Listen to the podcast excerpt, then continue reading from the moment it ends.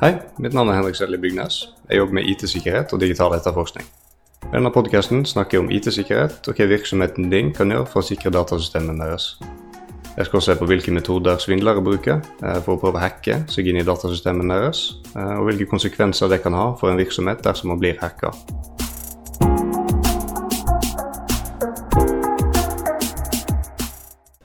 I denne episoden går jeg gjennom GDPR, altså General Data Protection Regulation. Eh, vi starter med en kort og forståelig forklaring på hva GDPR er, og hvorfor det er så viktig i dagens digitale verden. Eh, deretter skal vi utforske noen av nøkkelprinsippene til GDPR, eh, og hvordan de påvirker virksomheter som behandler persondata. Vi skal ta en liten titt på konsekvensene som kan inntreffe om GDPR ikke følges nøye, inkludert økonomiske sanksjoner og omdømmetap, og til slutt skal jeg gi eksempler på virksomheter som har brutt GDPR-regelverket, eh, for å illustrere hvordan det, eh, dette kan påvirke både virksomheter og enkeltpersoner. Hva er GDPR for nå? GDPR, som står for General Data Protection Regulation, eller personopplysninger på norsk, representerer en viktig lovregulering som har i mål å styrke beskyttelsen av personlige opplysninger innenfor EU. Den har trådt i kraft i mai 2018. Den gjelder for alle nettsider og tjenester som behandler opplysninger for europeiske brukere. Eh, dette inkluderer òg nettsider og tjenester som opererer utenfor EU, men som samler inn eller behandler data for enkeltpersoner som befinner seg innenfor EU. Eh, GDPR har satt nye standarder for personvernpraksis og rettigheter for eh, enkeltpersoner som har mål å sikre at persondata behandles rett, med forsiktighet og med respekt. Det er òg viktig at å eh, huske at hvis ikke disse reglene blir fulgt, eh, kan det resultere i ulike typer sanksjoner og konsekvenser, avhengig av alvorlighetsgraden av bruddet. Og Da lurer du kanskje på hva er det som er regna som personopplysninger. Eh, og I henhold til GDPR så refererer begrepet personopplysninger til all informasjon som kan knyttes til eller identifisere en person. Og Dette omfatter ting som navn, adresser, e-poster, telefonnumre, IP-adresser, informasjonskapsler og mye mer. Eh, GDPR dekker òg andre spesielle kategorier som rase eller etnisk opprinnelse, eh, politiske meninger, religiøs tro eh, og til og med helseopplysninger. GDPR er bygd på sju nøkkelprinsipper som alle virksomheter må følge. Og De sju nøkkelprinsippene er nummer én lovlighet, rettferdighet og åpenhet. Under GDPR så må alle personopplysninger behandles på en lovlig, rettferdig og åpen måte. Eh, og Dette betyr det at uh, virksomheter må gi klar informasjon til enkeltpersoner om hvordan og hvorfor uh, dataen blir behandla. Så F.eks. hvis en nettbutikk samler inn kunders personopplysninger for å behandle bestillinger, så må de informere kundene om formålet på en forståelig måte. Og Ifølge artikkel 12 av GDPR så må forklaringen på hvordan du behandler persondata, være forklart på en kort, enkel og tydelig måte. Det andre nøkkelprinsippet til GDPR er formålsbegrensning. Uh, og Dette betyr at uh, data skal kun samles inn for spesifikke, eksplisitte og legitime formål. Uh, så Dette betyr at virksomheter kan ikke samle inn persondata uten en god grunn. Så for så kan en HR-avdeling samle inn personopplysninger fra jobbsøkere kun for å vurdere deres kvalifikasjoner for en stilling, men ikke for formål som markedsføring. Det tredje nøkkelprinsippet er dataminimering. Eh, GDPR krever at kun nødvendig data samles inn og behandles. Dette betyr at f.eks. så bør ikke en nettside eller sosiale medier be om mer personlig eh, informasjon enn det som er nødvendig for å opprette en brukerkonto. Det fjerde nøkkelprinsippet er nøyaktighet. Eh, data skal være nøyaktig og oppdatert. Virksomheter bør sørge for at de har mekanismer på plass for å rette opp i feilaktige eller utdaterte opplysninger. Og Dette er f.eks. grunnen til at du må bekrefte visse opplysninger før du logger inn i banken din. Og Dette er òg for å hindre ID-tyveri, svindelforsøk og annen økonomisk kriminalitet. Og I tillegg til dette så er det også viktig at de har eh, riktige adresser, sånn at informasjon, sensitiv informasjon blir sendt til riktig e-post, eh, nummer eller postkasse. Det er også spesielt viktig at informasjonen er nøyaktig for leger og sykehus, eh, hvor feil informasjon kan ha fatale konsekvenser. Det femte nøkkelprinsippet er lagringsbegrensning. Eh, dette betyr at persondata bør ikke bli lagra for lenger enn nødvendig, eh, og for det opprinnelige formålet det ble samla inn for. Og Grunnen til dette er at jo lenger du lagrer data, eh, jo lengre tid har potensielle angripere eller hackere på å forsøke å få tilgang til dem. Det sjette nøkkelprinsippet er integritet og konfidensialitet. Virksomheter må beskytte persondata mot uautorisert tilgang, tap og ødeleggelse. Dette betyr det at de må implementere sikkerhetstiltak som passordbeskyttelse, kryptering eh, og tilgangsbegrensninger for å hindre at uvedkommende får tilgang til dette. Det sjuende og siste nøkkelprinsippet er ansvarlighet. GDPR krever at virksomheter viser at de overholder GDPR-prinsippene. Dette kan inkludere dokumentasjon av databehandlingsaktiviteter, eh, utnevnelse av en eh, databeskyttelsesansvarlig, der det er nødvendig, selvfølgelig, og samarbeid med tilsynsmyndighetene for å vise at de følger regelverket. Den neste retten enkeltpersoner har, er rett til innsyn. Enkeltpersoner har rett til å se eller be om tilgang til sine egne personopplysninger. Dette gjør det mulig for de å bekrefte at dataene er nøyaktige, og forstå hvordan de blir behandla. Eh, det neste punktet igjen er rett til retting.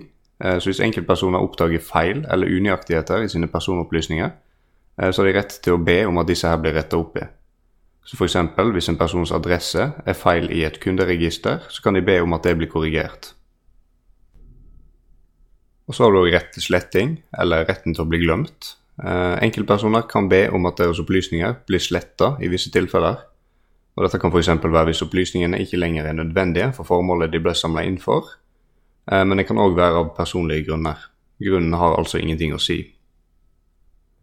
Så er det neste punkt igjen, eh, rett til å begrense behandlingen. Eh, I visse situasjoner har enkeltpersoner rett til å be om begrensning av behandlingen deres av personopplysninger. Og Dette kan være aktuelt hvis de bestrider nøyaktigheten av opplysningene. Så er det rett til dataportabilitet, Eh, enkeltpersoner har rett til å motta kopier av sine opplysninger og overføre de til andre tjenester. Så F.eks. kan en person ønske å overføre sin kontaktliste fra en e-posttjeneste til en annen. Så har du rett til å protestere. Enkeltpersoner har rett til å protestere mot behandlingen av deres personopplysninger, spesielt i tilfeller av direkte markedsføring. Så Dette betyr da at eh, de kan protestere mot at opplysningene deres brukes til å sende de reklame uten deres samtykke. Og så har du siste punktet, rettigheter knytta til automatisert beslutningstaking og profilering. Eh, enkeltpersoner har rett til å unngå å bli underlagt avgjørelser som utelukkende er basert på automatisk behandling, hvis disse avgjørelsene har eh, betydelige konsekvenser for dem. Eh, dette kan gjelde for automatiserte kredittvurderinger eller jobbintervjuer basert på algoritmer. Og Som nevnt i sted, så finnes det konsekvenser for virksomheter som ikke overholder GDPR. Disse konsekvensene vil variere, avhengig av alvorlighetsgraden på bruddet eller bruddene. Eh, og Noen av de vanligste konsekvensene er de følgende. Det første er bøter. Tilsynsmyndighetene i EU, eller i hver EU-medlemsstat, har myndighet til å ilegge økonomiske bøter på brudd av GDPR. Eh, bøtenes størrelse kan variere avhengig av bruddets alvorlighetsgrad. Og For de mest alvorlige bruddene kan bøtene utgjøre opptil 4% av virksomhetens årlige omsetning, eller opptil 20 millioner euro, avhengig av hva som er høyest. Så det neste punktet, som er midlertidige eller permanente begrensninger i databehandling. Eh, så En virksomhets mulighet til å behandle persondata kan bli midlertidig eller permanent begrensa hvis GDPR ikke blir overholdt. Og Så har du advarsler og irettesettelser. Eh, tilsynsmyndighetene kan gi virksomheter advarsler eller irettesettelser for mindre alvorlige brudd på GDPR. Og til slutt så har du undersøkelser Tilsynsmyndighetene kan igangsette undersøkelser for å avdekke brudd på GDPR, og dette kan innebære inspeksjoner, innsamling av dokumentasjon og intervjuer med ansatte. Og I tillegg til dette så er det òg andre faktorer som kan påvirke en virksomhet. Tap av omdømme er en av disse faktorene. Og Brudd på personvern kan føre til en negativ omtale eh, og kan skade tilliten til både kunder og brukere. Og Dette kan ofte utgjøre en eh, betydelig større utfordring enn de økonomiske bøtene.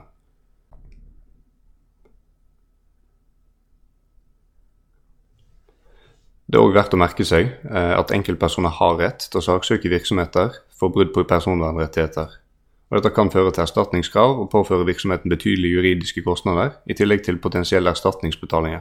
Så Derfor er det ikke bare de regulatoriske sanksjonene, men òg de omdømmemessige og juridiske konsekvensene som gjør det avgjørende for organisasjoner å overholde GDPR. Og da tenkte jeg å gå gjennom noen eksempler på virksomheter som har brutt GDPR, og konsekvensene de fikk.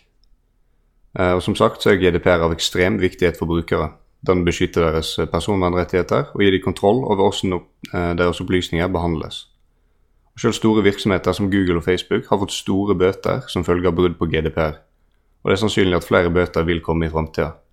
Virksomheter står stadig overfor økonomiske sanksjoner som følge av feil og mangler i deres behandling av personopplysninger, og noen velger òg å bevisst unngå å følge visse GDPR-krav. I mai 2023 så mottok Meta, som eide Facebook, en rekordstor bot på hele 1,2 milliarder euro. Og dette er den største boten som noensinne er ilagt henhold til GDPR.